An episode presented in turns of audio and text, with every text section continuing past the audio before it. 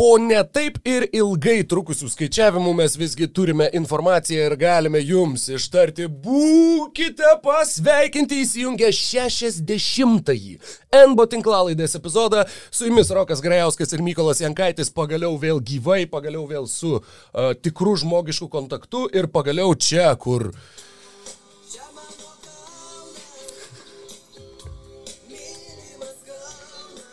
negalėjau neįdėti šito e, labai. Mažiau negu 7 sekundės truko, manau. Ja, tikrai, tikrai, mažiau. Manau, kad gerai, dėl copyrightų Ramūnas Grybauskas mūsų gal neužpjaus. E, jeigu jau Karolis Tiškevičius gali leisti trešį lietuvišką muziką, tai kodėl negalime mes. E, kalbant apie trešį muziką, labai norėjau pasidalinti atradimu, kuriuo kuriuo, už kurį turiu būti dėkingas tau, kadangi mane apšvietė į pakelių į priekį į Kauną, aš buvau šventai įsitikinęs, kad viena ir ta pati merga atlieka tris skirtingus gabalus. Tai yra I came in like a wrecking ball ir uh, Cause baby, you're a firework. Na, na, na, na, na, na, na. Ir uh, This girl is on fire. Pasirodo, tai yra trys skirtingos atlikėjos, kurios atliko po visiškai tokį patį gabalą ir, ir didelis atradimas, labai svarbus NBA krepšinio. Ir atsiprašau, trys skirtingų žanrų. Nu, gerai. Skirtingų skir... žarnų. Skirtingų žanrų atlikėjos, nu bent jau, nu, žodžiu, viskas, gana, taip. Wow, aš ką tik supratau, kaip mane net užsupo šitos dailylentės kažkaip. Pirma, pirma, pirma, e, jeigu šaltiniai neapgauna, tai yra pirma tinklalaidė šitoj naujoje basketinių studijai. Wow, mane rimtai net truputėlį, wow, okei. Okay. Ne, turėtų viskas būti gerai, atsiprašau, kad pertraukiau, bet Nu, žinai, va, vakar su broliu pasėdėjom, tai šiandien dabar taip akise raibuliuoja truputėlį nuo šitų dailylenčių. Tačiau akise raibuliuos dar labiau, kai mes pradėsime savo kalbas apie krepšinį. Žinau, kad e, Mykolai, tu turi įžangą paruošęs e, tradiciškai. Jo, jo, aš e, žiūrėjau tokį tai video, paskui pasakysiu, apie ką jis buvo. Ir pagalvojau, kad man būtų šiaip visai įdomu, kadangi nu, mūsų visiems gimimo metai ganėtinai skiriasi, koks tavo buvo pirmas sporto renginys arba pirmi metai, kur buvo gal grandinė kažkokių sporto renginių, kurį tu taip jau atsimeni nuo iki. Ne kažkokias vienerias rungtynės, ne, ne ten finalą arba pusinelį, bet jau toks, žinai, kur, nu, normaliai atsimeni, kaip prasidėjo, pavyzdžiui, kur tu buvai ir, nu, gali identifikuoti save normaliai su tuo. Pirmos rungtynės ir šiaip įrenginys. Pirmos rungtynės ir šiaip pirmas turnyras, kurį atsimenu, yra 92 metų Barcelonos olimpinės. Uh, ryškiai įsiminė rungtynės su JAV, uh, nors man sakau, man buvo ketveri, bet tai yra vienas pirmų apskritai gyvenimo atsiminimų yra susijęs su krepšiniu ir su Lietuvos rinktinė, uh, o pirmas turnyras, kurį atsimenu pilnai, va taip va tikrai, kur visa, tai yra 98 metų pasaulio futbolo čempionatas kur dar dabar turbūt išvardinčiau grupės bent jau kelias tiksliai, kas, ko, kokios komandos žaidė. Tad būtent tas buvo, buvo pirmas, o, o, o tamstos. Jo, lygiai, lygiai tas, ta pati sporto šaka, tai būtų 2004 metų Europos futbolo čempionatas, nes aš atsimenu ir 2002 metų pasaulio futbolo čempionatą, tam tikrus dalykus, na ten mano meilė Senegalo futbolo komandai užgimė, tačiau nu, per daug aš ten... Papa Bubadiop. Apžinatilsi. Ir tada, tai, aišku, atsimenu ir kaip Lietuva laimėjo Europos krepšinio čempionatą, bet vėl 2004 metų vasara buvo ta, kada mes jau su tėčiu peržiūrėjom visus įrašus Lietuvos rinktinės iš 2003 metų, tada, kada mes žiūrėjom 2004 metų pasaulio futbolo čempionatą, Europos futbolo čempionatą ir aš dar per pirmas rungtynes atsimenu, labai tėčiu nepatiko, kaip graikai žaidžia. Aš sakau, oi, viskas, aš jas palaikau ir, man vienintelis kartas, kai, an, tiksliau vienas iš dviejų kartų, kai mano palaikoma komanda vat, kažką laimėjo. Tai man buvo visai... prieš tą čempionatą, atsiminu, su klasiokais buvom top sporte, uh, nors niekam nebuvo po 18, visiems buvo gal po 16 ir taip toliau, bet kažkaip tai ten, žinai, apeidavom sistemą ir kad Aš padėjau du litus ant kažkokios rungtynių kombinacijos, ten keletos rungtynių, kur galiausiai viskas taip ir baigėsi ir laimėjau beveik 50 litų iš to, kas tais laikais buvo visai pinigas. Bet aš norėjau, kadangi žaidžiau Championship Football Manager 2003-2004 ir tenai kažkaip tai būtent prieš tą čempionatą graikai labai gerai žaidė ir aš žiūrėjau į koficientus ir sakiau, hm, Gal man padėti penkis litus, kad graikai taps čempionais. Ir klasiokai man sakė, durnas, tu ką, tu kokie dar graikai, eik, tu ką, tu nusižinai, geriau man duok tos penkis litus. Ir aš taip, e, ir nepadėjau. O santykis buvo berots vienas prie penkių. Tai buvo antras tokio. mažiausias santykis, ta prasme, iš vis, visų tame čempionate buvusių komandų. Mažiau šansų laimėti turėjo tik kažkokia komanda, kurios aš neatsimenu. Bet e, graikai buvo, tai ta komanda, kuri pergalės atveju tau atneštų daugiausiai pinigų. Tai, tai va, vis, buvo... vis dar laikau truputėlį lengvą nuoskaudą Martynui Simučiui už, už atkalbėjimą. Būtų pakeitę pastaty... tavo gyvenimą. Tik, aš manau, kad nu, vis viena, 2,5 tūkstančio gal. Tikrai nebūtum. Kai tau 16. Pra, pralošęs paskui visų tų pinigų. Nu, pralošęs gal nebūčiau, bet nemanau, kad būčiau labai protingai kažkur investavęs.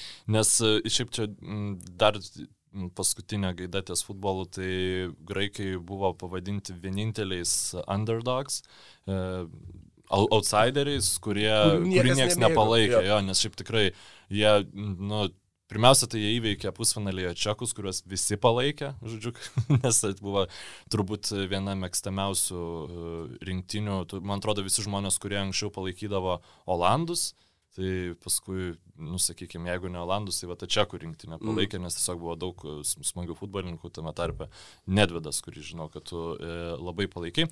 Tai va, ir tais metais šiaip ir mano pirmas e, toks jau krepš, krepšinio normalus jau įvykis, kurį aš sekiau nuo iki, tai NBA finalai, na aišku, tai yra tik e, penkerios rungtynės buvo, bet e, būtent apie Detroito Pistons aš ir nu, norėjau, nežinau, net ne tai, kad čia pakalbėti, kažką labai papasakot, bet tiesiog prisiminti tą pačią komandą, kaip jinai šiaip susikonstravo ir, na, užduot gal klausimą, ką, ką mes juos turėjom panašiausio po, po jų pasirodymo, nes jau visiškai analogiškų čempionų tai tikriausiai neturėjom, bet um, kas neprisimena, tai E, Detroito Pistons buvo pirmoji komanda, kuri laimėjo NBA čempionų žiedus be nei vieno, e, neturėdama All-Starų, žodžiu, nei, nei, nei vienas iš tų krepšininkų tą sezoną nežaidė All-Starų rungtynėse, jeigu nemeluoju, e, žodžiu. Ir, na, startinis penketas be abejonės buvo Bilupsas, Ripas Hamiltonas, tai Šonas Princas, Rašydas Wallace'as ir Benas Wallace'as. Tai Benas Wallace'as apskritai, man atrodo, gynybos klausimų, tai jis dabar lygoj būtų kaip ir tada buvo metai iš metų geriausiai besiginantis mm. krepšingas. Taip. Ir jisai tais metais žaidė. Žaidė Alstaras, jo, atsiprašau, supainiaus kaž, kažkuriuo kitų faktu. Bet, na, pagrindinis talentas tai buvo ne tik, kad jis galėjo vienas prieš vieną geriau negu bet kas kitas lygoje turbūt gintis prieš Šakylo Anilą, nepaisant to, kad buvo dviem galvom žemesnis bet nu, tai buvo beprotiškai stiprus krepšininkas ir jisai taip pat galėjo susikeisti ir prieš tą patį Kobe Bryantą, sakykime, pastovėtą, aišku, tuo metu nebuvo labai populiaru keistis ginamaisiais, bet ir Dreymondas Grinas e, sakė, kad e, tai buvo krepšininkas, kuris man parodė, kad aš galiu tapti rimta jėga krepšinėje ir kad tavo fiziniai duomenys nėra e, toli gražu kažkokios lubos, į kurias tu turi atsi, e, atsiremti, nes taip ir pasakė, Ben Wallace proved to me that sky is the limit, man atrodo, savo players ribą. Uh, jis, jis beje, e, Dreymondas Grinas yra iš Michigano valstijos, tad Detroito Pistons yra kaip ir jo namų komanda. Tai, uh, ma, ne, kaip čia pasakyti, nestebina, kad būtent šitas krepšininkas taip patraukė jo dėmesį. Jo, ir šiaip e, Detroitas, aš nu, nenoriu išskirti gal tos krepšinio komandos kaip kažkokia ten geriausia visų laikų arba netgi tų metų, nu, apskritai krepšinį žaidusią komandą, bet man tai atrodo toks labai labai vykusi mozaika, kurią šiaip yra žiauriai sunku pakartoti, kai tu neturi tokio išskirtinio talento polime. E, Sakykime, Šansi Bilupsas, jisai buvo tas žaidėjas, kuris turbūt, e, nepaisant to, kad buvo komandos polimo lyderis, jis būtų bet kurią kitą komandą padaręs geresnę, bet, na, tokio tipo žaidėjas, kuris e, gali būti naudingas netimdamas kamulio iš tavęs ir panašiai. Ir e, didelė įtaka tam, kad, na, rasdavo kaip užpulti Detroito Pistons, nepaisant to, kad ant suolo neturėjo beveik nei vieno ten pataikiančio krepšininko, nepaisant to, kad na, Benas Wallace'as, kad ir koks jis būtų geras gynybai, polime tikrai buvo labai prastas krepšininkas, jis ir baudas tragiškai mesdavo, ir, nes, nu, tu mėgstam vartoti frazę vertikalus aikštas praplėtimas, tikrai nebuvo ge, gerai po kažkokiu bes, besileidžiantis du prieš du žaidime krepšininkas, tačiau kai ta komanda turi e, Richardą Hamiltoną, kuris buvo Na, aš sakyčiau, kad to dešimtmečio geriausiai be kamulio judantis krepšininkas, aplink kurį ir, ir Karis sakė, kad modeliavo savo žaidimą. Tai va, jau, žiūrėk, net du Warriors krepšininkai labai daug pasiemė iš tos komandos, sakykime, kaip gali net, netikėtai geriausia visų laikų, saky, nu gerai, ne visų laikų, bet viena geriausių visų laikų gynybų, ta, turėti įtakos geriausiam visų laikų palimui. Tai tas visai smagu ir kažkaip, nu man ta komanda, sakau, daug kas, kas klauso, žino, kad čia mano mėgstamiausia visų laikų NBA komanda ir tie krepšininkai apie visus nori kalbėti, rašytas Valasas. Darko Miličič. Jo, ypatingai. Ypa, šiaip, šiaip yra... Kevonas Lūny nėra sakęs, kad kopijavo dar komiličičių žaidimą. Vaismanas. Vaismanas. nu, taip, aš šiaip čia pernelyg gal netgi arti ta, va, artima Vaismano ir Miličičiaus paralelė, kur tipo... Antri šaukimai, žiūrėk. Antri šaukimai, po, po jais buvo pašaukti, na, ryškesni žaidėjai, žymiai, bent jau kas. Bent jau Miličiaus atveju tai žymiai aukštesnio kalibro, um, Vaismano atveju sakyčiau irgi.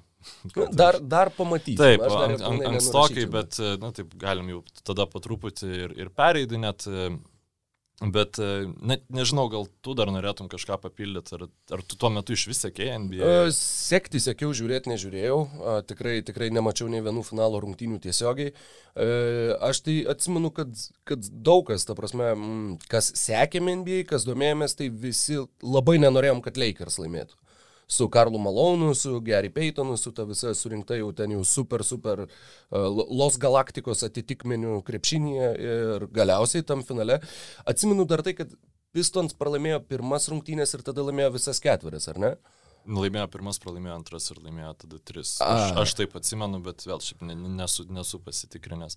Atsimenu e, tik tai, kad jie po pralaimėjimo, po to, kai jie pralaimėjo, kad e, kažkaip, kad skrido lėktuve ir kad uh, kažkas tai buvo susierzinęs, kad va čia pralaimėjom ir kad kaip čia dabar viskas bus ir aš neatsimenu, nu, tai kas turbūt Čiausi Bilupsas sakė. Turbūt, kad sakė, kad jo, sako labai gaila, kad pralaimėjom, nes kitai būtumėm laimėję 4-0.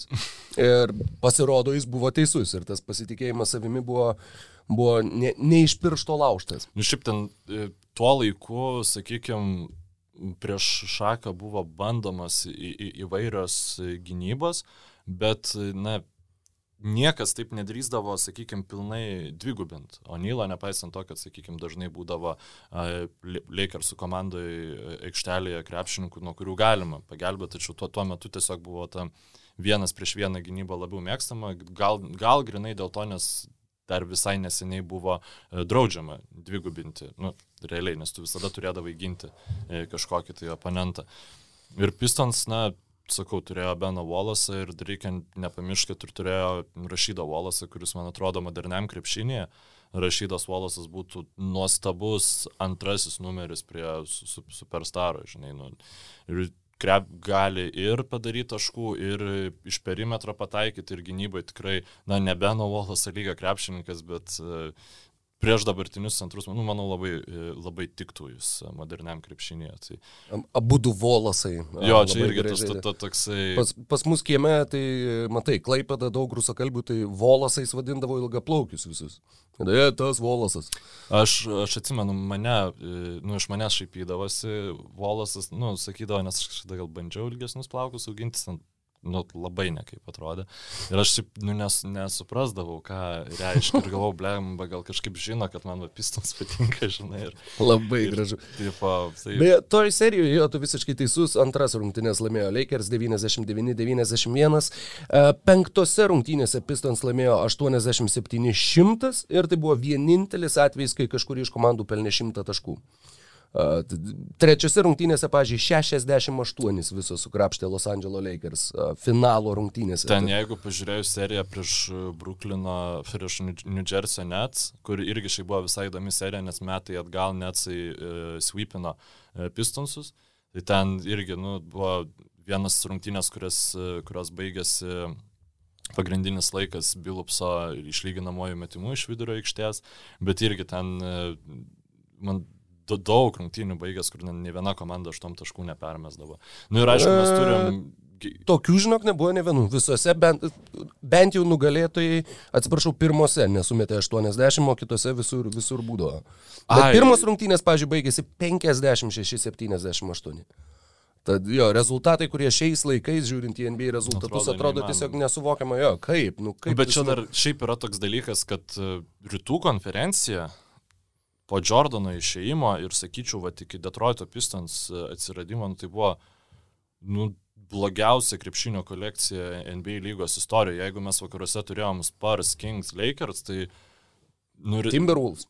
Taip, taip, Timberwolves tai rytuose buvo Netsai išėjo į finalą. Nu, kaip, du kartus. Kaip Netsai, ta prasme, pasižiūrėjau. Netsai, tą... kai jie pirmą kartą išėjo į finalą, buvo nerealu, nes metai prieš tai jie buvo blogiausia lygos komanda, man rodos, o tada pasėmė Jasoną Kidą ir iš karto žaidė finale kitam sezone. Ten buvo vienas didžiausių šuolių lyginant e, praeitų metų ir dabartinį rezultatą.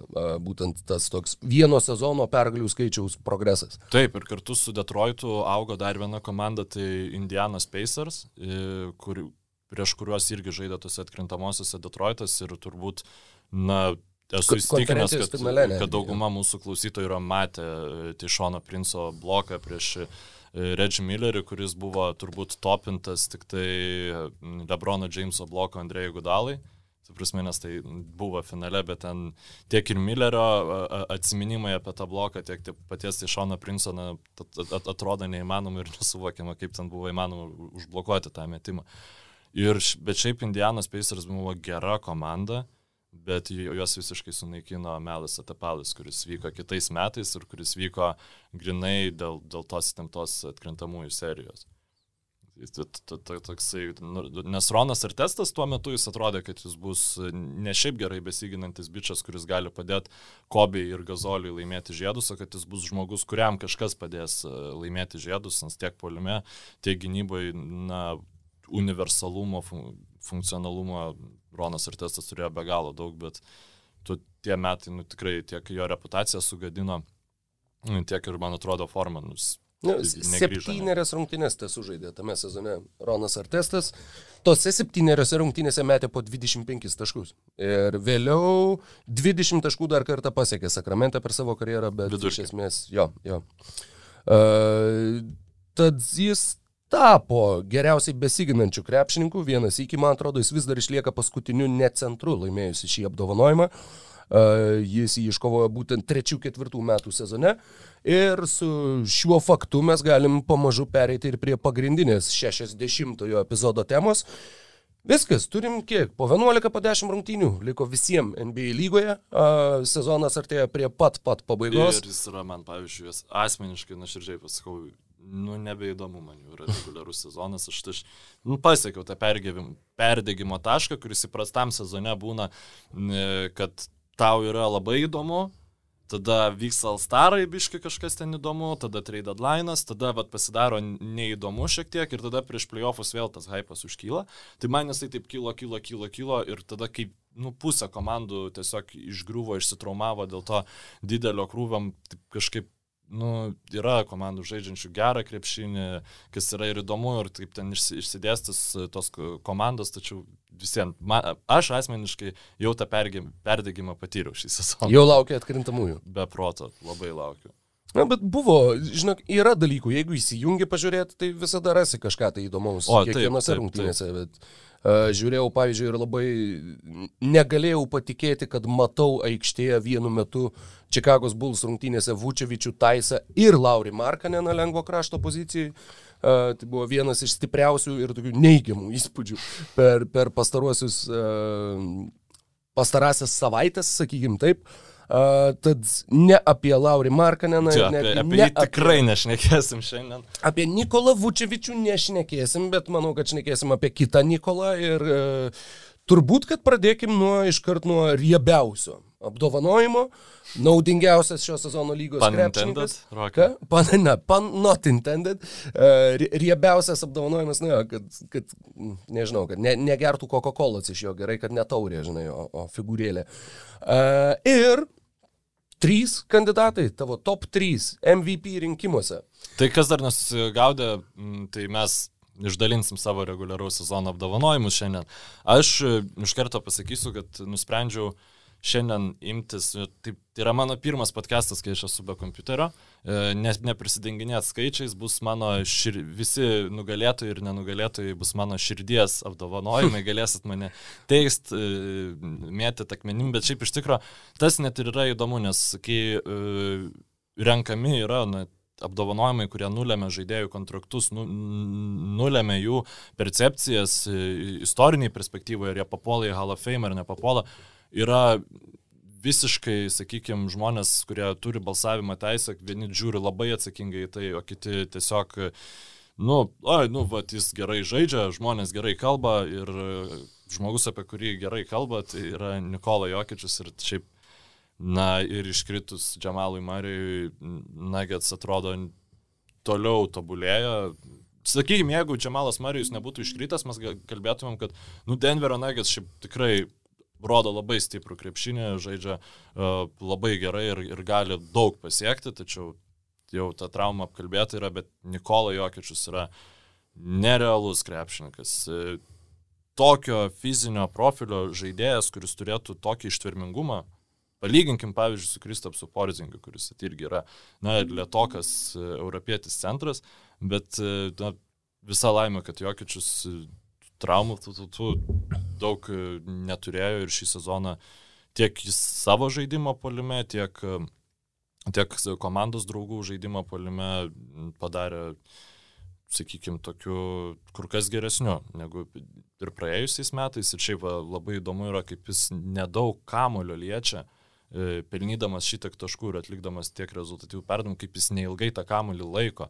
Tai yra kiekvieno centro, kuris vat, nori žaisti tą tekantį krepšinį, tai turėtų tiesiog žiūrėti ir mokytis. Aišku, tu tokio krepšinio aikštės matymą tu niekaip neišmoksi, kokį turi Nikola Jokičius, bet e, tai yra geriausias visų laikų, geriausiai, geriausias visų laikų pasuojantis aukšta ūgis ir jis toliau, kuo toliau, tuo labiau rodo, kad galbūt karjeros pabaigoje mes kalbėsim ne tik kaip apie aukštą ūgį geriausių visų laikų pasuojantį, nes šiuo metu lygui tai aš nematau aikštės geriau matančio krepšininko. Tai mano MVP yra Nikola Jokičius. Tavo 26,2 taško, 10,9 kamulio, 8,6 rezultatyvaus perdavimo šiam sezone. Pagal visus tris šituos skaičius Jokičius yra top 10 lygui. 10 pagal rezultatyvumą, 9 pagal kamuolius, 6 pagal rezultatyvius, 57 procentai žaidimo, 41 procentas tritaškų, 86 procentai baudų. 41 procentas tritaškų. Mm -hmm. Čia mhm. yra nu, at, atrodo, kad iš niekur atsirado šitas dalykas, taiga jis tapo elitiniu tritaškiu e, metiku. Nu, visiškai sprogdina galvą visi. Ir netgi jo gynyba, jeigu mes lygintumėm su, nes jis pradėjo sezoną geros formos ir jis gynyba buvo tragiškas, visiems savo krepšinio intelektą, savo ilgas rankas jis sugeba taip panaudoti, kad e, jis turi daug prastų epizodų gynybai, bet turi ir daug gerų epizodų gynybai, kurių tu iš jų nesitikėtum. Vienas iš jų blokas prieš Zainą Williamsoną pastarosios rungtynėse, na, kur buvo pripažinta, kad buvo bauda, bet visiems tai nėra išskirtinai neigiamas krepšininkas gynybai ir tas įdaro dar įdomesniu. A, tikrai taip ir visiškai pritariu. Pirmoje vietoje ir mano e, naudingiausių krepšininkų sąrašo viršūniai. Nikola Jokičius plus e, nepraleido nei vienų rungtynių šitam sezone. Jokičius žaidė visas 63, kurias žaidė Denverio Nuggets. Ir e, Aš manau, čia paskutinis jo sezonas, kai žaidžia visas rungtynės, jis laimės dabar MVP ir tikrai, nu, pradės labiau save tausot. Mano toks spėjimas būtų, nes čia, nu, turbūt, kad ir kai Hardenas MVP laimėjo, kai, kai Vesbrukas laimėjo MVP, labai spausdavo iš savęs daug, kad nu, gautų tą titulą ir kai jau gauna, tada šiek tiek pradeda labiau savo kūnų rūpintis, nes na, tikrai atrodo pavojingai minučių kiekis jos sužaistas šį sezoną. Aš tai labai džiaugiuosi, kad prieš sezoną, kai darėm savo spėjimus, aš sakiau, kad Nikola Jokičius taps MVP. Ir e, tai yra dalykas, kuriuo didžiuojuosi šiandien, kol kas jis dar juo netapo. Man atrodo, kad tai yra sėkmingiausias tavo sezonas spėlionė. Jo, ta prasme, kur... kaž, kažkas neįtikėtino iš tikrųjų, nes labai daug ką. Dar visiškai tobulai išeitų, jeigu, nes atsiminu, kad dar sakiau šitą detalę, kad Jokičius taps MVP, pirmam raundė jie loš prieš Dalasą ir Dalaso Mavericks išmes juos, kaip išmetė Dirka Novickį Golden State Warriors jo, jo MVP sezone.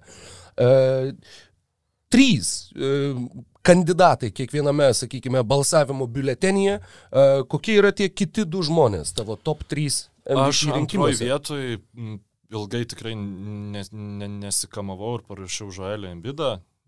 Tiesiog e, vėlgi krepšininkas dar žengė žingsnį į priekį šį sezoną. E, labai sakyčiau, nu, fantastiškai, jeigu aš rungty, sezono pradžioje sakiau, kad jis nu, visiškai nedara prie Simonso, tai sezono eigoje jis kažkaip na, labai sugebėjo prisitaikyti prie, sakykime, talentingo, bet uh, tam tikrais klausimais labai riboto savo komandos draugo. Uh, jo gynyba yra fenomenali. Absoliučiai, apie ką mes dar nu, pakalbėsim. Tikrai toliau. Ir tiesiog galbūt reiktų pasakyti, kad uh, ir konkurencijos, sakykime, tokios jau nebuvo labai daug, nes, na, Dončičius atkrenta automatiškai, nes tiesiog Delasas labai tą prastą sezono startą turėjo ir, nu, jau šiek tiek, uh, sakykime, ir pats prastą sezono startą turėjo Dončičius, at, atkrenta Hardanas, Irvingas ir Durantas, nes jie visi vienoje komandoje ir visi traumuoti šį sezoną.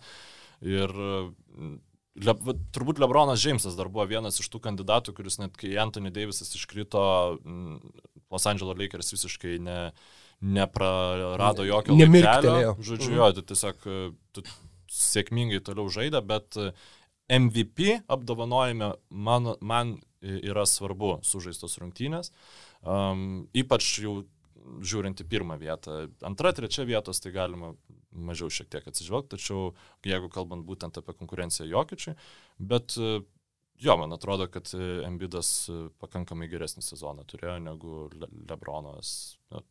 Mano tokia nuomonė. Labai, būtų. labai įdomu yra tai, kad e, aš ilgai svaršiau ir gal truputėlį taip, kaip čia pasakius, mm, ne iki galo logiškai, bet tuo pačiu, man atrodo, labai logiškai e, į šituos rinkimus ir į šitą biuletenį įtraukiau žaidėją, kurio tu net nepaminėjai dabar kalbėdamas ir Žoelis Embidas yra trečioje mano sąrašo vietoje. Trečioje vietoje irgi yra žaidėjas, kurio aš net nepaminėjau. Aš labai atsiprašau Lebroną, Ar... bet e, aš... Uh, Aš galbūt ne, neapgalvojau taip detaliai apie jį, nu, reiktų šiaip atsiversti statistiką, pasižiūrėti, nu, jeigu taip jau matuojant, bet aš kaip ir sakau, tiesiog labiau, kas man atrodo šį sezoną padarė labiausiai neįtikėtinus dalykus.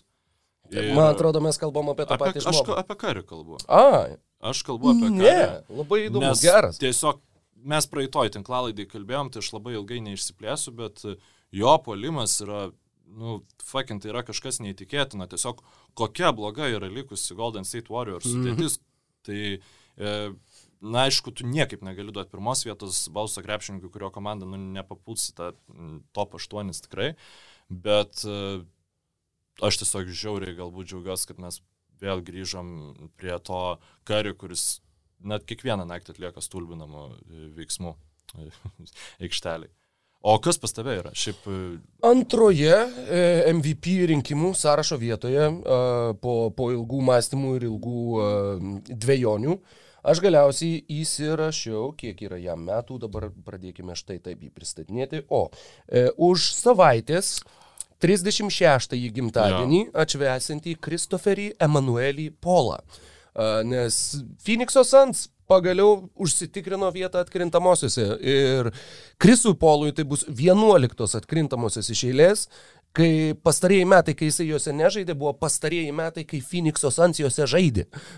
Ir tiesiog būtent žaidėjo vertė ir tai, kaip žaidėjas pakelia komandos rezultatus.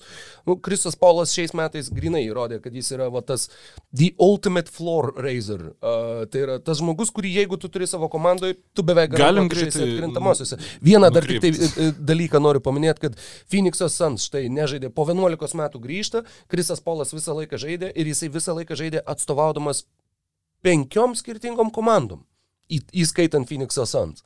Uh, tad kur tu jį be padėsi, jisai vis viena, vis viena bus naudingas ir va, štai net Oklahoma pernai žaidė atkrintamosiose šiais metais, galim matyti, kaip ten viskas pasikeitė.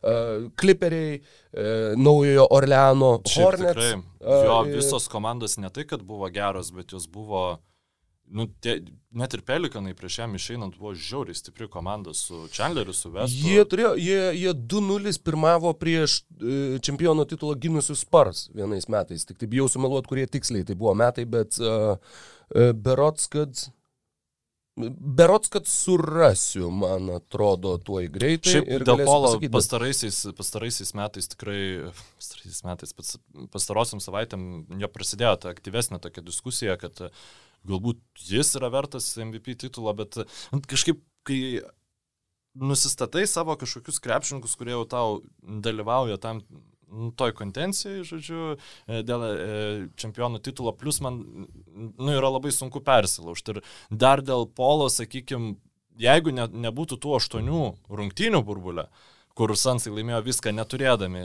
Kriso e, polo savo sudėtyje, tai sakyčiau, kad jo, čia yra tik dėl polo, nu, tie jų rezultatai, bet mes matėm, kad tiesiog Phoenix'o Sans na, susikomplektavo gerą komandą ir Polas prie jos pridėjo labai daug, bet tai nėra vien jo nuopelnas, e, dėl ko Phoenix'o Sans yra taip aukštai ir galbūt užims net pirmą vietą vakarų konferencijoje. Vėlgi, e, Rokas Grajauskas sakė, kad nu, nenusteptumėm mes, jeigu susiklostytų viskas taip, kad Sansai būtų pirmie. Nes tiesiog vat, traumas ir, ir, ir taip toliau, Sansai šiaip ganėtinai sveikas sezonas. Ja, aš e, bandžiau išsirašinėti kažkada, bet supratau, kad pernelyg nuosekliai tą darau. Tai būtent Phoenix'o Sans paralelę su Krisu Polu. E, kaip sekėsi Polui atkrintamosiose, kokie buvo jo sezonai ir ką veikė Phoenix'o Sans tuo metu. E, tai visko tikrai neišpasakosiu, bet uh, 2011-2012, pavyzdžiui, sezone Sans vis dar turėjo nešą, paleido savo 2010-2011 buvo, kai 36 metų nešas, 34 metų Vincas Carteris, 38 Grantas Hillas ir 30 Jasonas Richardsonas buvo jų keturi rezultatyviausi žaidėjai. 11-12 jie paleido Carterį, paleido Richardsoną, vis dar turėjo nešą, o rezultatyviausias komandos krepšininkas buvo 27 metų europietis. 15,2 taško. Borisas Dio. 10 atkovotų kamolių. Marcinas Gortatas buvo A. rezultatyviausias Phoenix'o Sans krepšininkas 11-12 ir nepaisant to, Kai Warriors įsigijo Markysą Krisą ir Dreymondas Greenas išvadino Sans, cituoju, šūdną organizaciją, kai, kai kalbėjo apie tai, kad nežaidėjai yra kalti, kad jie pakliūna į šūdinas organizacijas, Gortatas irgi pasisakė apie Phoenixą, kalbėdamas Lenkijoje. Ir lenkiškai jisai sakė, aš aišku lenkiškai neskaitysiu, išsiverčiau lietuvių, iš krepšinio pusės viskas buvo puiku, bet kalbant apie visą kitą, Sans yra blogiausia organizacija, kurią aš kada nors atstovavau ir jie gali mane cituoti. Tai buvo didelis viešnamis ant ratų ir iki šios dienos aš nemanau, kad ten kas nors pasikeitė, nes kai kurie ten dirbantys žmonės niekada neturėtų vadovauti jokiai krepšinio komandai. Tad aišku ir, ir apie savininką frazę, ir, ir apie viską, bet jo, viešnamis ant ratų šitokio pavadinimo komandai niekada nebuvau girdėjęs. Ir viena dar tik tai detalė, kad 2012-2013 Phoenix'o Sans e, turėjo 33-33 rezultatą, man rodos, jeigu nesumeluosiu, bet kad jie turėjo didįjį trejetą vieną sezoną kurių trys svarbiausi krepšininkai buvo Goranas Dragičius, Luisas Skolia ir Marcinas Gortatas. Man tiesiog buvo užsiblokavę kažkaip atminti, kad jie visi vienu metu žaidė, žaidė Phoenix'e. Bet na, vienai par kitaip, iš to daugiau negu dešimtmetį trukusio malimosi visiškam lygos dugne, Phoenix'o Sans pagaliau grįžta į atkrintamasis, Krisas Polas pagaliau juos atveda, na, žinoma, kartu su visais kitais komandos draugais, kurių indėlio irgi nurašyti nereikėtų, bet mano manimu irgi čia galima diskutuoti ir aš su, kaip čia pasakyti, kategoriškai nesiginčyčiau su žmonėm, kurie sakytų, jog Devinas Bukeris yra dar naudingesnis Phoenixui negu Krisas Polas, bet būtent tai, ką, ką jis daro ir tas ilgamžiškumas ir... Man labai patiko tavo naudingiausia. Ultimate uh, floor raiser, nes jisai ne tik prastų komandų grindis pakelia, kokių yra nu, nemažai krepšininkų, sakykime, pastatysi ten kokį Demarą Darauzaną į Orlando Magic, ne, ir jie tada pasidarys, nu, sakykime, jau galbūt komando kovojantį dėl vietos pleinė arba vietos atkrintamosiose. Bet Krisas Polas jis gali padaryti tai, jis taip pat atėjęs į Houston komandą Rockets. kaip Houston mm. Rockets gali ją iškelti iki, e, nepabijokim to žodžio, geriausias visų laikų komandos Golden State Warriors lygio. Nu, ta prasme, yra žiauriai įspūdinga tai, ką Krisas Polas davė per, darė per savo karjerą ir man, nu, tikrai yra pikta, kai tas... ant jo stumiama yra, kad jis yra čiaukeris. Nu, E, ten, jeigu pasižiūrėt retrospektyvai, tai yra pakankamai nedaug momentų, kuomet jis nu, jau tikrai e, paleido, sakykime, tas serijas ir panašiai, daug, daug, daugiau buvo na, nelaimingi atsitikimai. Taip, ir būtent iš to, kad jeigu mes kalbam apie ne apie geriausią krepšininką, bet apie most valuable arba vertingiausią krepšininką, Kriso Polo vertė Phoenixo organizacijai, mano manimu, yra milžiniška. Ir, ir tik tai Nikola Jokičius Denveryje jį pranoksta tuo, tuo sakykime, tą įtaką, kurią, kurią jis atneša ne tik komandai, bet apskritai visai organizacijai.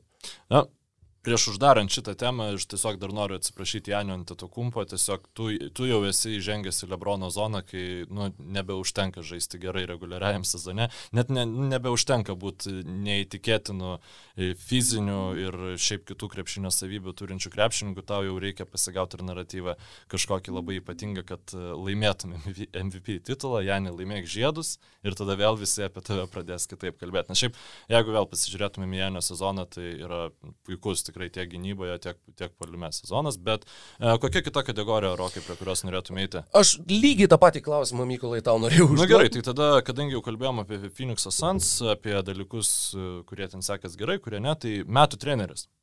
Ir tu iškart suspoilinai savo metų trenerį? Ne. Išdavai? Ne. Gerai, gerai, neišdavai, tai ne. Gerai, važiuojam. Uh, trečia vieta metų trenerio rinkimuose. Tai tu sakyk dabar. Man sakyk, ja, ja. Uh, trečia vieta su atsiprašymais. Dokui Riversui ir Queenui Snyderiui. Trečioje vietoje, oh. uh, kalbant apie va, dar uh, surišant viską su Phoenixu savotiškai, trečioje vietoje yra Steve'as Nešas.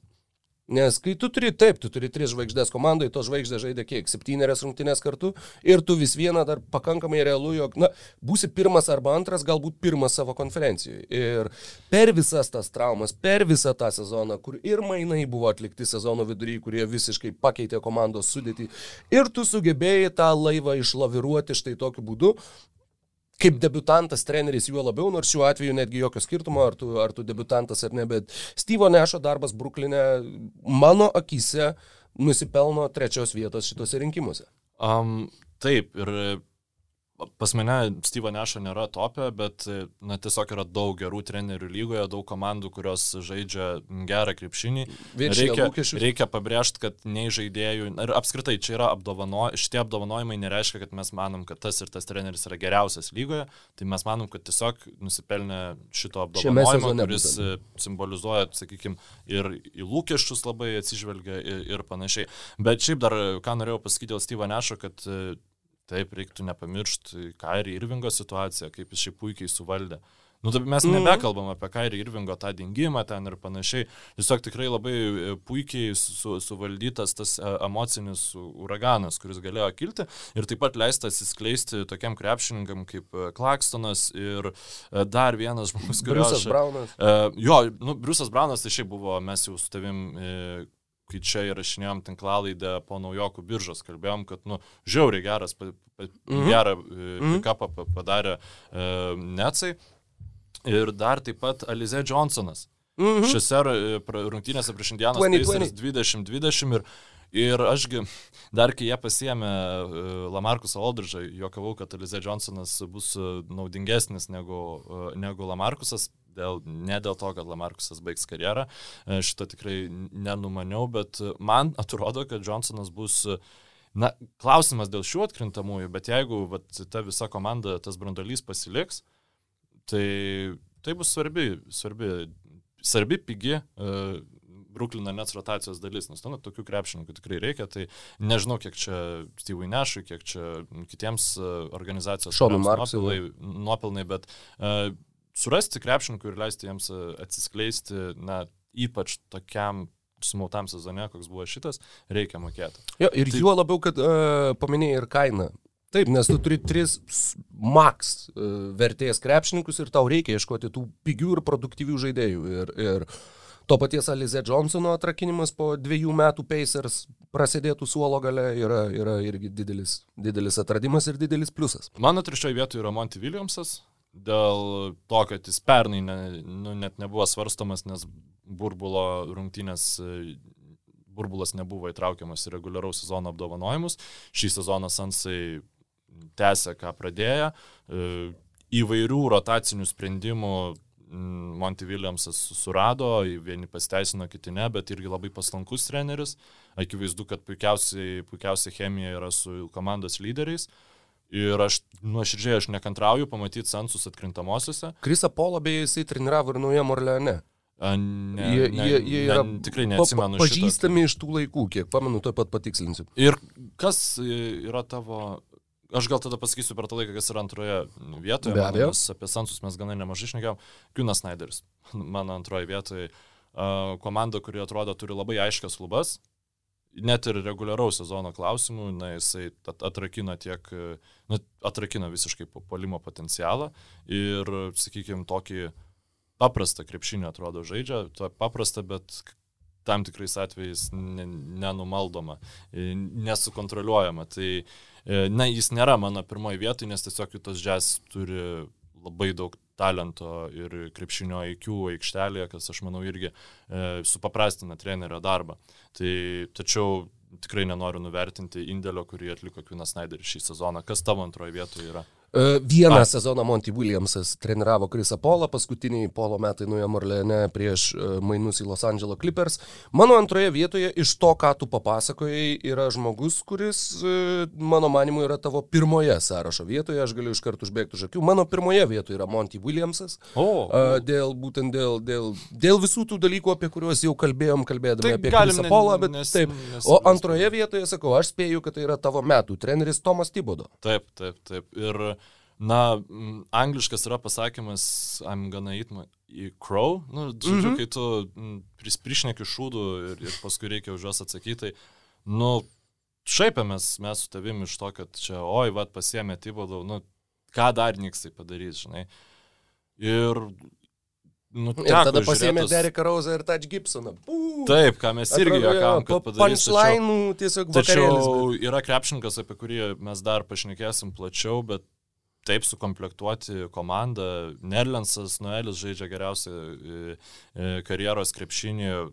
Tokie krepšininkai kaip, kaip Redži Bolokas e, vėl atrodo, nu, šimtų procentų realizuoja savo potencialą. Arži Beretas yra visiškai kitoks krepšininkas šį sezoną, atrodo ir tą metimą jisai gavo geresnį Emanuelis Quickly irgi ten buvo vis pasiskundžiama, kad negauna tiek laiko žaisti, tačiau kai jisai žaidžia, jis įneša visiškai tokią naują dimensiją ir net vienas iš įdomiausių naujokų man šį sezoną yra be abejonės pasis, pasistiprino veteranais, tačiau aš nepasakyčiau, kad tos veteranus leidžia per daug arba daugiau negu jie būtų nusipelnę ir tiesiog um, būtų lengva sakyti, kad va čia šį sezoną daug ten kitų komandų traumuojas ir panašiai, tačiau tokią nestabilę talento klausimų ir, sakykime, vis neuniversalę visiškai komandą, jisai e, tvirtai virš 50 e, procentų pergalio pralaimėjimų santykių išplukdė šį sezoną.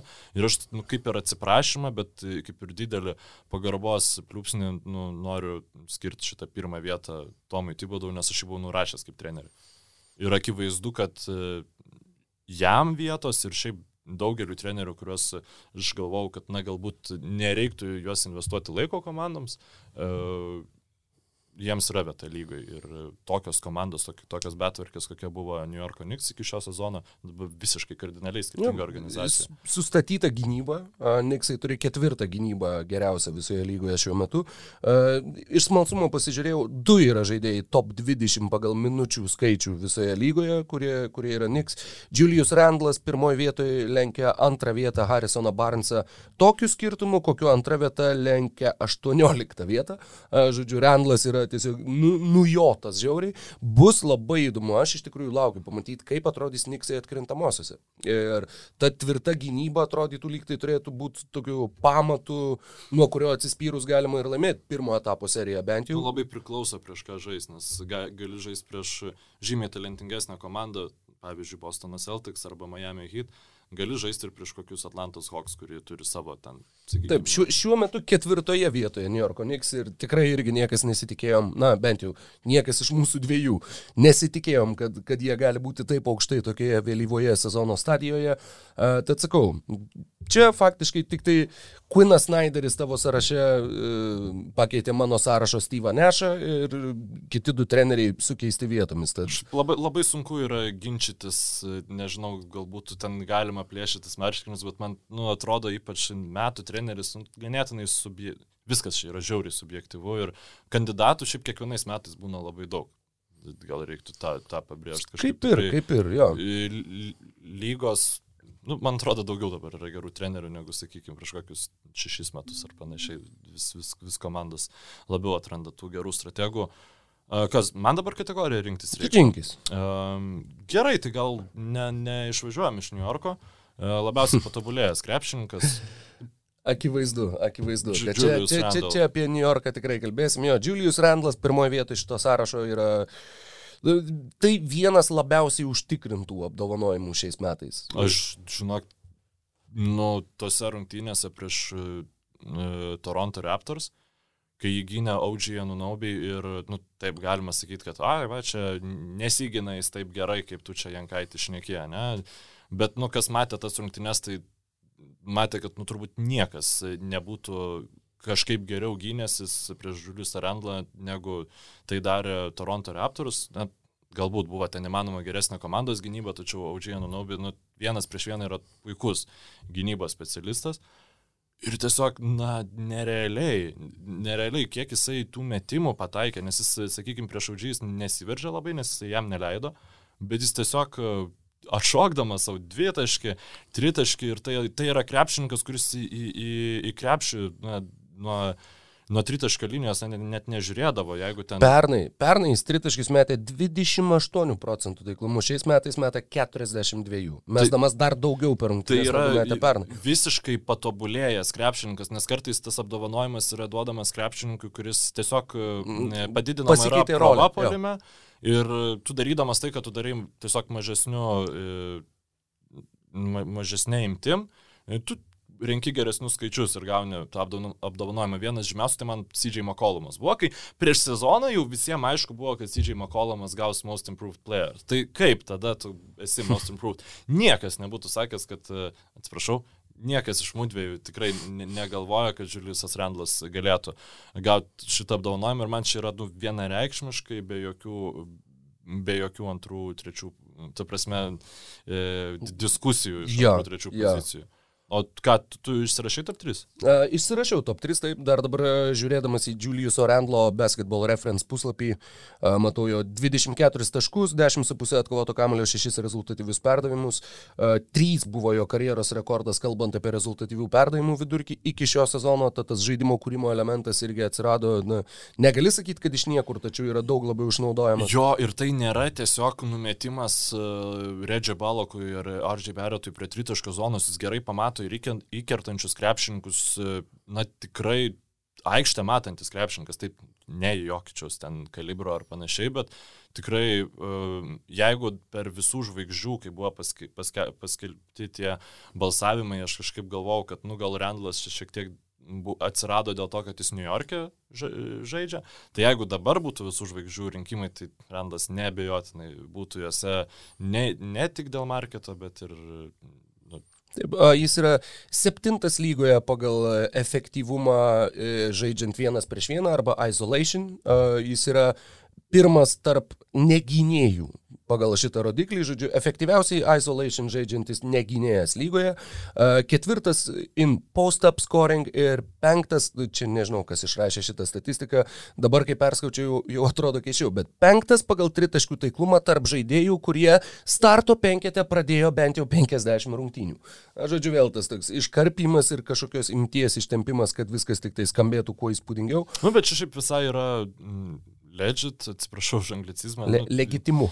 Vien, nu, kre, iš krepšininkų, kurie žaidė svarbias roles ir žaidė daug. Nu, tai Na taip. Paprašiau, žinai, sakyti. Jo, e, antroje vietoje aš užsirašiau Jeremy Grantą, apie kurį mes jau e, kalbėjom irgi, irgi nesikį ir ne vienoje laidoje. E, ta, tas sakinys, kuris viską apibendrina, mano manimu, buvo, kad Jeremy Grantas įrodo, kad gali būti pirma opcija, o Detroito Pistons rodo, kokie bus tavo rezultatai, jeigu Jeremy Grantas bus tavo pirma opcija. Dėl trečios vietos aš išsirašiau 1, 2, 3, 4, 5, 6 žaidėjus. Man įdomu, bent vienas iš jų bus tas, kurį aš esu įsirašęs trečioje, antroje vietoje. Mhm. E, nes aš esu Michael Porterį jaunesnį įsirašęs. Jis yra tarptų šešių, mano tie šeši žaidėjai buvo Terry Rozie, Jailenas Braunas, kurį galiausiai pasiryškinau ir nusprendžiau, kad jam duosiu šitą mhm. trečią vietą. Uh, Michaelas Porteris jaunesnysis, Zekas Lavinas, Zionas Williamsonas ir Colinas Sextonas. Blema, žinok, aš pakeisiu. Aš, aš vietoj Granto Laviną įrašysiu. Aš, aš tiesiog kažkaip, nu, visiškai pamiršau bulius. Apie Zajoną aš, pavyzdžiui, net, nu, ne, negalvojau, nes aš manau, kad tai, nu, praėjusią sezoną mes ją matėm tiesiog labai nedaug. Jo, jo, ir šiaip tas su antramečiais krepšininkais, daug kas, e, nežinau, Zekas Lau, pavyzdžiui, kalbant apie labiausiai patobulėjusius žaidėjus, tengiasi faktiškai ignoruoti jo antramečius, kadangi tas jų šuolis yra kaip ir, kaip ir na, jo yra tikimasi. Ir, ir nežinau tiksliai, kokia yra pilna argumentacija, tačiau a, faktas, jog žmogus taip daro, gerai, tuomet tavo, tai Jeremy Grantas trečias, Zekas Lavinas antras. Ne, suprantu, e, Michaelas Porteris jaunesnis antras, Zekas Lavinas trečias, o Jeremy Grantas galbūt ten dėl to, kad man, nu, aš negaliu pilnai patikėti, kad vat, tie rezultatai, kuriuos jūs rodytų, galėtų būti, nu, kompetitingesniai komandai šiek tiek. Geriausiai besiginantis 2020-2021 metų sezono krepšininkas, tiksliau turbūt trys geriausiai besiginantys krepšininkai. Pakeliui iš, iš Vilniaus į Kauną važiuodami kaip tik kalbėjom apie tai, kad sugalvoti trečią žaidėją šitoj kategorijoje šiais metais yra nu kaip niekad sunku. Ir manau, kad abu du turim identiškai pirmą, antrą vietą, antroje vietoje Joelį Ambidą, pirmoje vietoje Rudy Goberą. Tačiau va, dėl trečios vietos sakau, net, net užsirašiau čia rašydamas, kad jeigu būtų galima, aš trečią vietą skirčiau arba Frankui Vogeliui, arba Tomui Tibodo. Kadangi būtent tas trenerių indėlis į komandų gynybą šiais metais yra gal netgi didesnis negu individualių kažkokių tai žaidėjų superiniai ir išskirtiniai gebėjimai. Tačiau ieškodamas galiausiai motivavau savo taip, jog kas yra geriausiai besiginanti lygos komanda. Geriausiai besiginanti lygos komanda yra Los Angeles Lakers. Tai geriausiai besiginantis jų krepšininkas, šiuo atveju Anthony Davisas, nepaisant to, kad žaidė mažiau rungtynių, yra trečioje geriausiai besiginančio krepšininko rinkimų vietoje. Nes, sakau, įdėti Aleksą Karuso ar kažką tai kito jau būtų buvę pernelyg radikalu. A, tad trečia vieta Antony Davisui, antra Žoeliui Ambidui, pirma Rudy Goberui, ar turi kažkokių... Aš Janį įsirašiau, aš apie Antony Davisą net negalvojau. Janis yra, nu, kaip ir sakiau, at, atsiprašymas kilti prie MVP kandidatų, net tikrai unikalus krepšininkas, Milwaukee Bucks žaidžia labai gerą sezoną, yra labai įdomu, kaip jie žais atkrintamosiose. Jau Budenholzeris pradeda eksperimentuoti su viską besikeičiančia gynyba, implementuoti tas schemas šiek tiek dažniau, kad atkrintamosiose, kai jas reikėtų pradėti taikyti, tai nebūtų šokas. Net su Bruku Lopezu aikštėje buvo rungtynių, kuomet jis tą bando e, daryti, bet Janis Antetokumpo yra visiškas Milvokio gynybos pamatas, be jo ta gynyba tiesiog jinai yra pati savęs nevykusi simulacija. Tai um, Janė, esi trečioje vietoje, gali, gali drąsiai būti ir aukščiau, bet kaip ir sakiau, reikia, jau viskas reikia deliverint e, atkrintamosiose. E, man visai patiko, neatsimenu tik tai kuris iš komentatorių, tačiau NBA TV vienas komentatorius Janį ant Etokumpo visą laiką vadina, kaip čia pasakyti, originalią versiją. Ir jisai nesako Janis ant Etokumpo, jisai sako Janys Adetokubo. Uh, tai originali jo, jo sakykim, mm -hmm. ni, nigerietiška pavardė. Ir buvo labai keista ir tuomet, kai išgirdau tą Janys, buvo toks, plemba jo, kad mes jį kai vadinam Janiu, mes jis lyg būtų Latvis. Žinai, o, Porzingio brolis buvo Janis. Janis tai yra ne, ne nigerietiškas, Janis nu, kažkaip ne, graikiškas su, su vardas. Taip, jau, nu. tai, tai tikrai. Uh... Bet vad nežinau, dėl to Janys skirčio, bet, bet uh, Adeto Kubo skamba, kai tu girdi Adeto Kubo, man asmeniškai jisai atrodo dar grėsmingiau negu negu kad ant to kumpo. Bet čia toks, šiaip žodžiu, psicho, psichologinės detalės ir, ir pašaliniai, faktiškai galime sakyti, dalykai. Turime dar dvi, tris iš viso kategorijas, nežinau, ką būtent norime dėti dabar. Aš Galim... tai nusprendžiau kalbėti apie gynybą, tai tu gali padiktuoti tolimesnę. Uh, apie eigą. šeštą žaidėją, galbūt aš žinok trečią, aš taip ir neišsirašiau. Išsirašiau, išsirašiau Inglesą, išsirašiau Clarksoną, Inglesas pirmoje vietoje, nes man tiesiog jisai atrodo geresnis krepšininkas yra. Um, jo, Jutas Jazz turi labai aiškę rotaciją šį sezoną ir nuo suolo kylantis krepšininkai, kurie E, leidžia jų tai turėti, e, nu, tiesiog daužyti, naikinti e, kitų komandų suolus, ten penketai su Konliu Goberu ir vienu iš Janio, antetų, iš Joe Inglesą ir, ir Clarksoną. Šiaip Clarksoną daug beprotiškų rungtynių teko matyti, kuris tiesiog 40 pradeda šaudyti ir nu, nieko negali su juo padaryti, tas yra labai žavu, bet Inglesas vėl praeitą sezoną jau atrodo, kad šiek tiek leidžiasi jo jau mm, fi, nu, fizinė forma, fizinės galimybės elementariai šį sezoną puikiai atrodo labai. labai tas secondary playmaker rolė jam tinka. Visi du, du prieš du. Kaip, kaip pas tavai išsirikiavo? Uh, Joe Inglesas yra pirmoje geriausio šešto krepšininko rinkimų vietoje. 12 taškų, 4 atkovoti, 4,5 rezultatyvaus, 48 procentai tritaškių, visiškai beprotiškas taiklumas, 68 procentai tavo mėgstamas effective field goal percentage, tritaškių metą po 6 per rungtynes, pataiko 48 procentus, 57 rungtynės, tik tai 20 startą, tad nėra 50 procentų, jisai kvalifikuojasi kaip, kaip šeštas žaidėjas šiame sezone. Įdomu tai, kad kažkaip įrašęs Joe Inglesą, aš pajutau, kaip čia pasakyti, labai didelį norą neįrašyti Jordano Clarksono a, mhm. į tą mhm. trejetuką ir galiausiai sugebėjau tą padaryti. Tačiau o, kiti super. tie žaidėjai yra, mm, na taip, mm, pritempti gerokai, kadangi manau, kad jo, Inglesas arba Clarksonas irgi čia galim užrakinti, kaip kad a, pernai buvo su Lou Williamsu ir Montrezu Herlu, du komandos draugai, kurie tikrai vienas iš jų laimės, taip šiais metais tikrai vienas iš jų laimės. Manau, kad tai bus Joe Inglesas, ar bent jau mano akise jisai atrodo vertesnis šito titulo. Antroje vietoje aš užrašiau vienintelį žmogų, apie kurį mes esam sakę uh, savo tinklalaidėse, kad jisai yra maladėts. Ar neatsimeni, kas toks yra maladėts? Blemo, ne.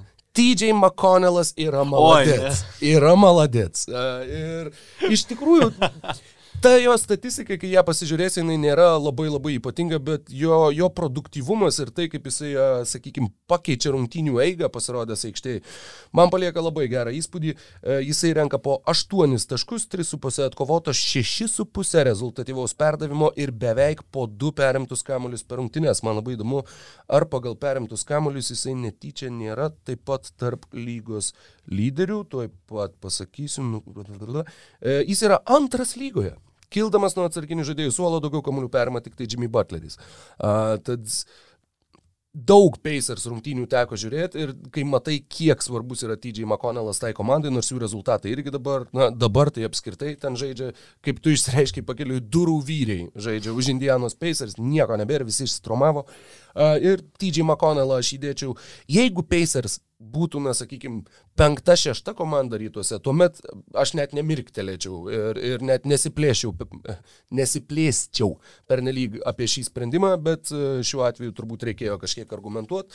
Trečioje vietoje įrašiau irgi žaidėją, kuris žaidžia už komandą, kuri nieko nepasieks šiame sezone, bet man kažkaip norėjosi paminėti Tyrysą Halliburtoną ir jį įrašyti trečioje vietoje geriausio šešto žaidėjo rinkimuose.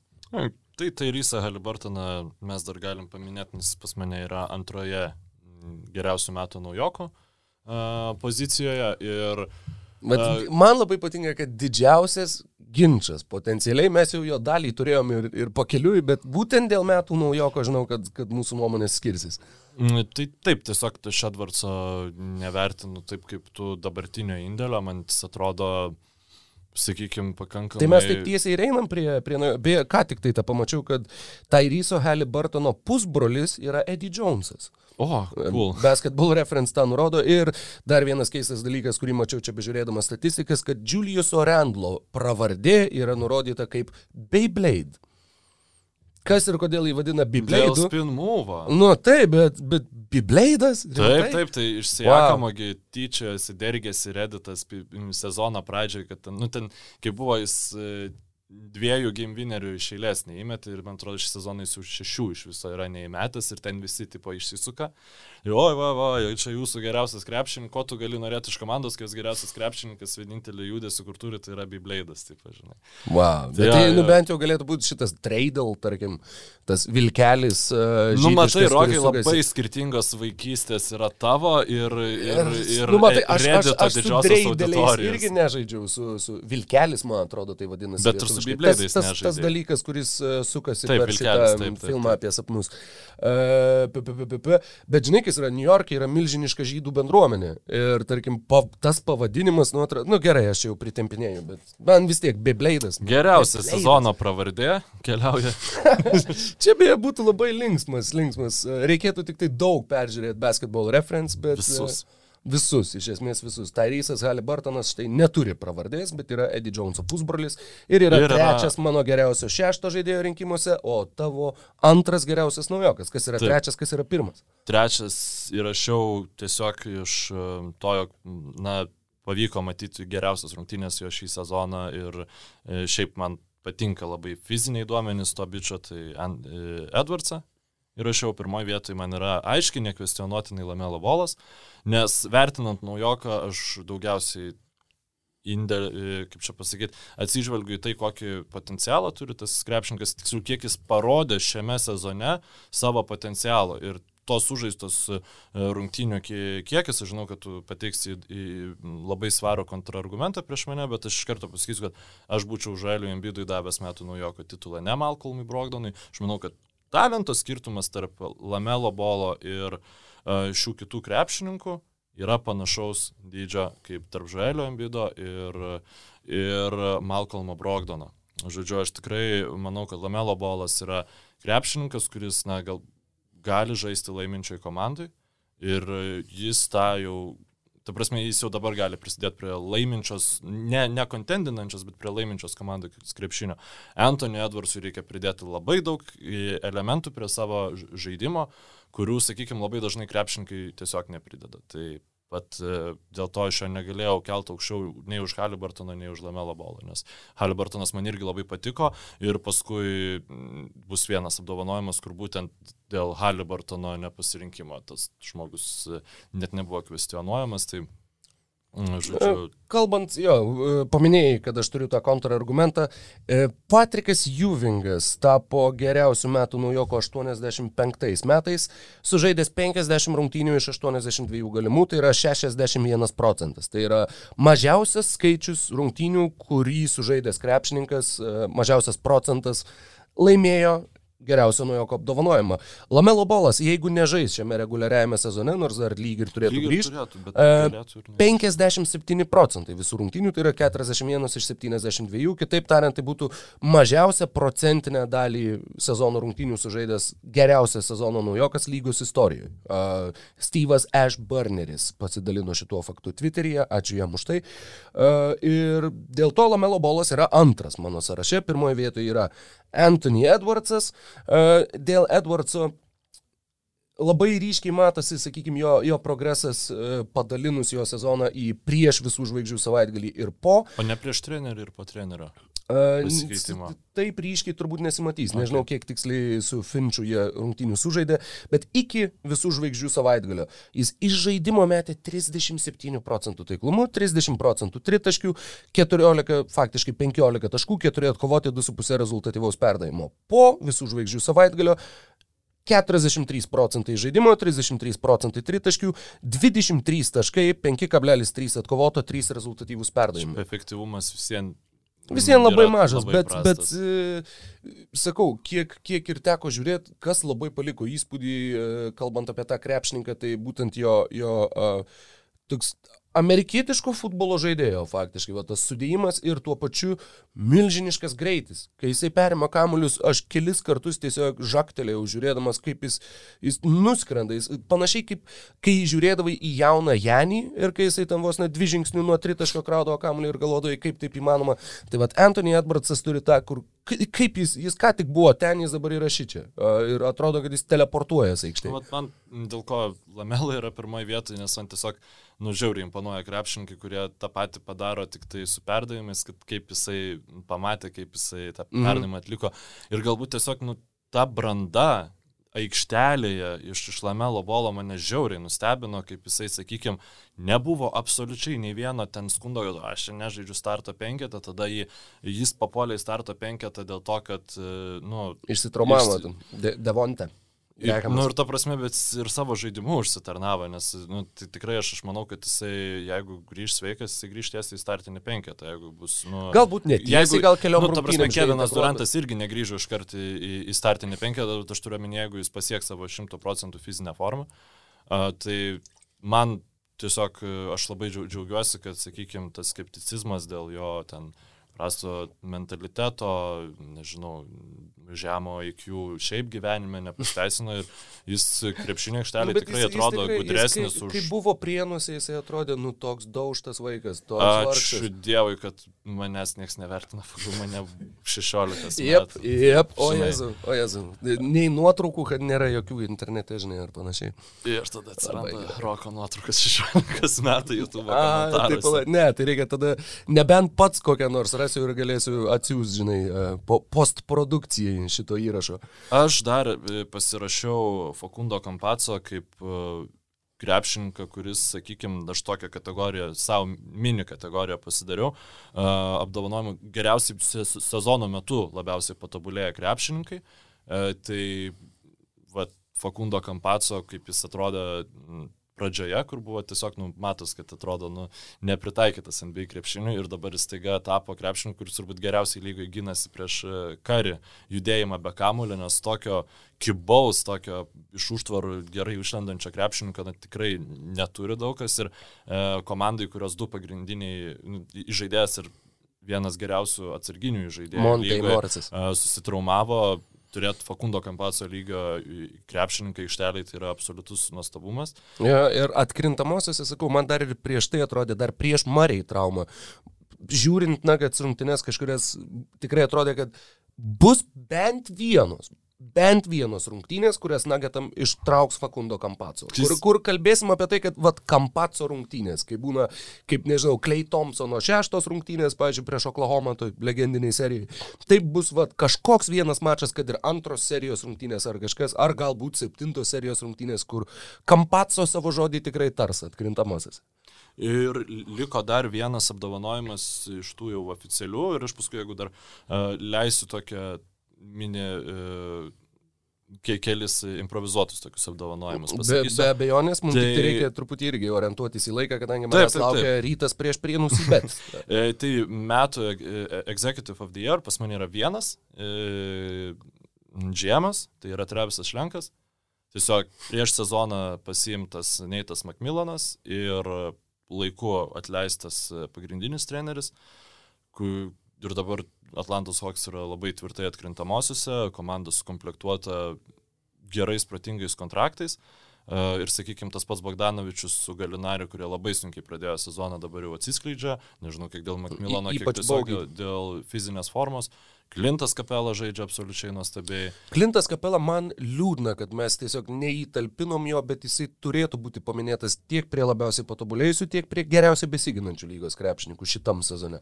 Kadangi Kapela tikrai fantastiškai atrodo, yra daugiausiai kamuolių atkovojantis lygos krepšininkas ir jeigu ne Kapela, tai Atlantos gynyba irgi būtų, nu, nežinau, prie Macmillono jau galbūt ne, bet prie Lloydo Pyrso tikrai būtų buvus palaida bala.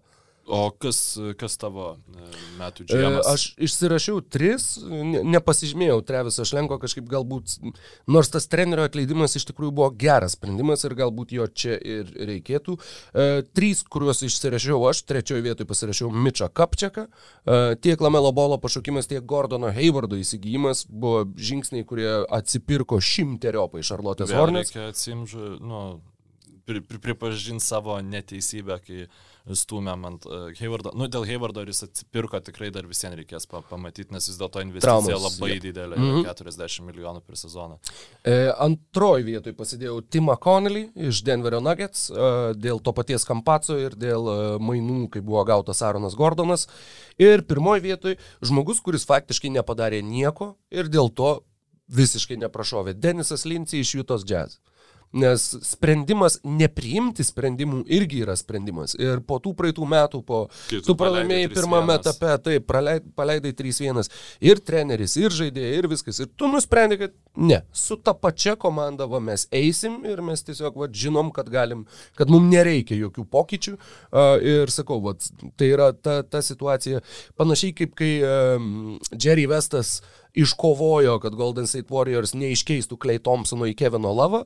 Tai buvo va, tas irgi tas sprendimas nepriimti sprendimo, kuris buvo aukso vertės. Tai va, Denisas Lincis šiais metais irgi nuspręsamas nekeist, pavyzdžiui, Rudy Gobero arba, nežinau, uh, Maiko Conley.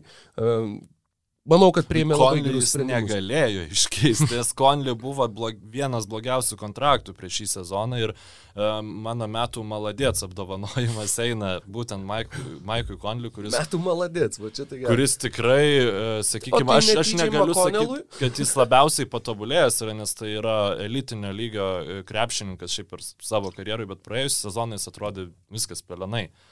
Ir tai, kaip jis žaidžia šį sezoną, kur klausimas, kas yra svarbesnis e, džiazo atakomis ar Mitčelas, tai yra nu, žingsnis, kurio aš tikrai nesitikėjau.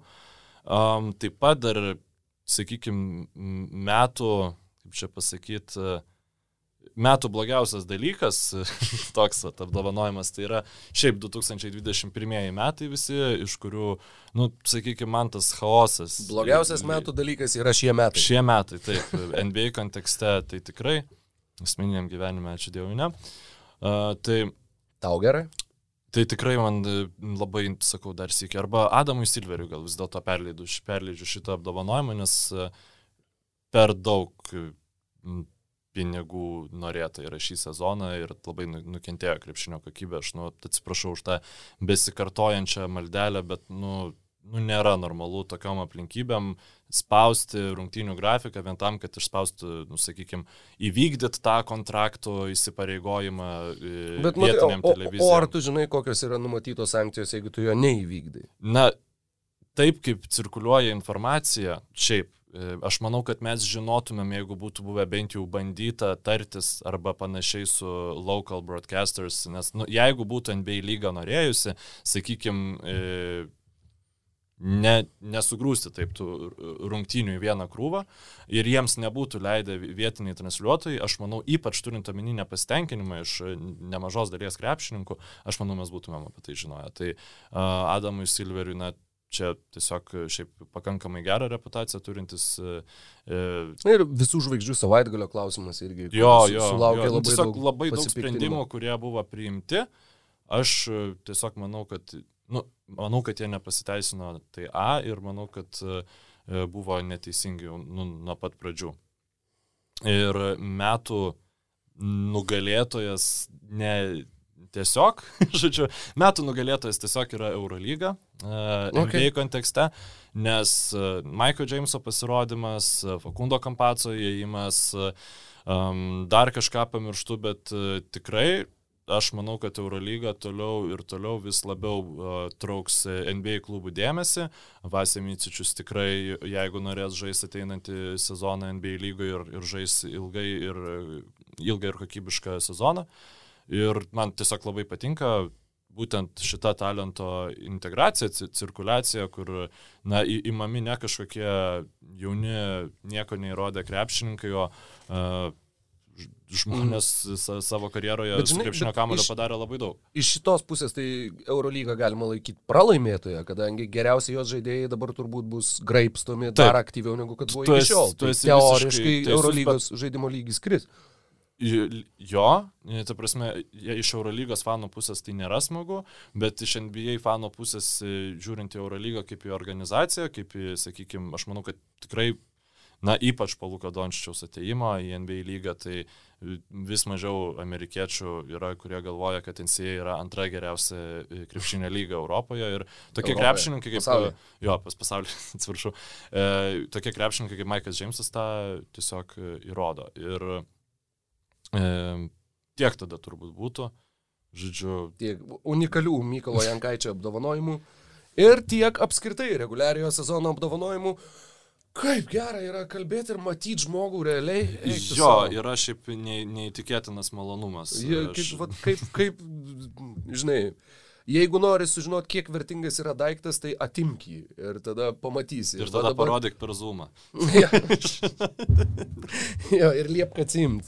Tad su didžiausiu džiaugsmu, kad galėjome grįžti į gyvą bendravimą, į tikrą studiją su tikrom kamerom, kad nereikės po to dabar eksportinti iš Abletono įrašo ir mest audio į V-transfer ir, žodžiu, be, nereikės, nereikės beveik nieko kaip gerai ir kaip smagu. Tik parvažiuoti į Vilnių. Tik parvažiuoti į Vilnių, atkomentuoti rungtynės ir tada jau laukia penktadienio vakaras. A, tad e, su dideliu džiaugsmu ir su, su labai didelė padėka jums visiems už jūsų dėmesį, NBAS baigė savo 60-ąjį jubiliejinį epizodą. Tikiuosi, kad a, vieną dieną baigsim ir 600-ąjį ir bus labai smagu ir atsiminsim šitą, šitą dieną. Jėzu, kiek čia būtų? Nu, gal tu atsargiai, žinok. Palauk, 540, jeigu darytumėm kas savaitę reguliariai visą laiką, tai 20 nu, truputį daugiau negu 10 metų. 10. Jeigu nu. 50, kiek, 4 savaitės metais ar 2. Na, vienaip ar kitaip, matysim, kiek tų epizodų bus. Bent jau šimtąjį, tai tikrai tikiuosi, jog atšvesim kartu ir 60 progą, jeigu gavom dovanų už tai šiuos puikius rūbus, kuriuos ir jūs galite įsigyti, jeigu norite paremti ir tokiu būdu Basket News visą platformą. Ir Kągi, iki, iki kitų susiklausimų ir e, atkrintamosios artėja, laukia labai labai karštų diskusijų, kai šnekėsim apie poras, kas su kuo žais, kai bandysim atspėti, darysim spėlionės, įvairias lažybas ir kitus dalykus. Ir visiems tikiuosi, jog bus dėl to labai smagu, įdomu beigi gera. Tad. Iki kitos savaitės ir sėkmės. Ir aš atsukau gabalą, bet užmiutinau, tai bala nematė. Laimingai.